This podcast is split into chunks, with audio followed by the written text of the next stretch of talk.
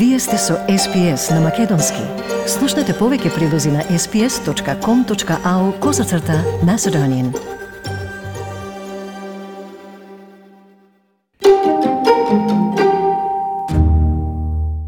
Kmart, Good Guys, Bunnings, малопродажни места за многу австралијски купувачи.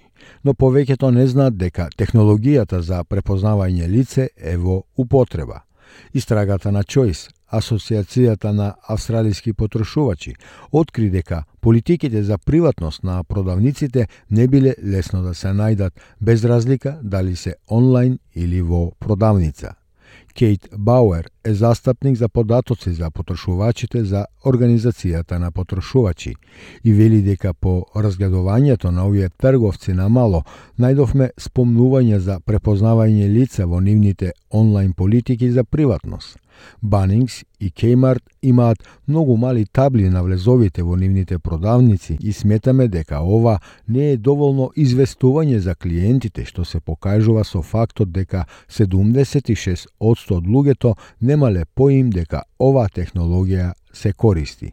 Она што би сакале да го видиме, вели Кейт Бауер, е комесарот за информации подетално да ги погледне овие бизниси за да види дали тие на вистина ги исполнуваат барањата според актот за приватност. When we looked at these retailers, we did find mentions of facial recognition in their online privacy policies, uh, and Bunnings and Kmart do have very small signs at the entrances to their stores. Um, we don't feel that this is sufficient uh, notice for customers, which is demonstrated by the fact that 76% of people had no idea that this technology was in use.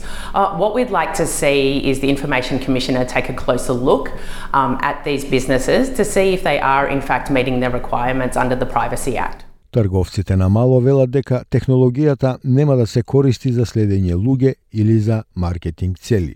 Од Good Guys за SBS изјавија дека препознавањето на лицето моментално се тестира во две продавници за да се спречи кражба и антисоцијално однесување. Во сообштението пак од Банингс се вели дека неговите CCTV ја користат технологијата за да, цитирам, помогнат да се идентификуваат лицата од интерес кои претходно биле вклучени во инциденти кои загрижуваат во нивните продавници. Затворен цитат.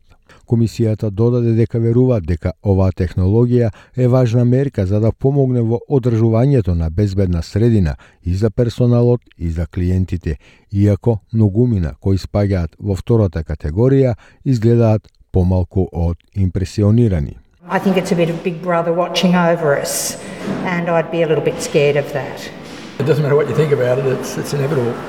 And if the reason they're doing it is to stop people pilfering or abusing their staff. Well, I'm not a pilferer nor an abuser, so I would be personally offended if they used that system for my activities in their store.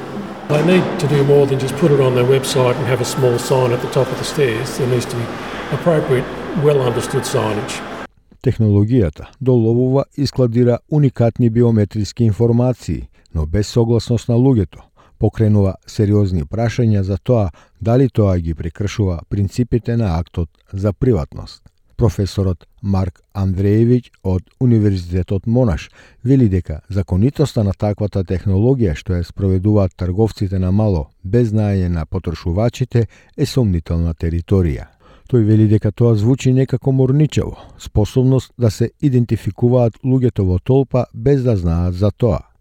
Тој вели дека луѓето кои се заинтересирани да го спроведат разбираат дека во некои аспекти луѓето ќе бидат вознемирени од тоа и тие би сакале само да го спроведат без да привлечат големо внимание за тоа. Едно од овие прашања со кои мислам, вели професорот Андреевиќ, е дека се соочуваме и немаме јасен комплет на правни принципи кои се посветени на оваа специфична технологија. It sounds kind of creepy, the ability to identify people in a crowd without their knowing about it. And I think the folks who are interested in implementing it understand that um, in some respects, people are going to be alarmed by it and they'd rather just kind of implement it without drawing a lot of attention to it. People, once they become aware of this, may file complaints. Um, one of the issues that I, that I think we're facing is that we don't have a clear set of um, legal principles that are dedicated to this specific technology. And I, I think we're going to need that down the road. Други експерти велат дека точноста е уште еден голем проблем. Професорот Тоби Волш од Универзитетот во Нов Јужен Велс вели дека не работи многу добро за жените во споредба со мажите и не работи многу добро за обоените луѓе во споредба со белите луѓе, а работи дури и помалку добро за жените со боја, така што има фундаментални прашања што треба да се одговорат дали луѓето ќе бидат дискриминирани за тоа што не им функционира многу добро.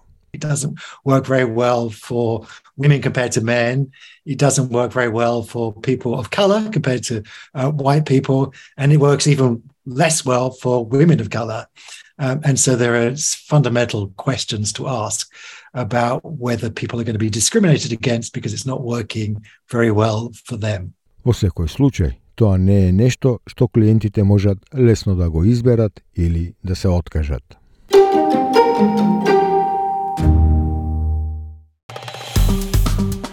Стиснете, ми се допаѓа, споделете, коментирајте.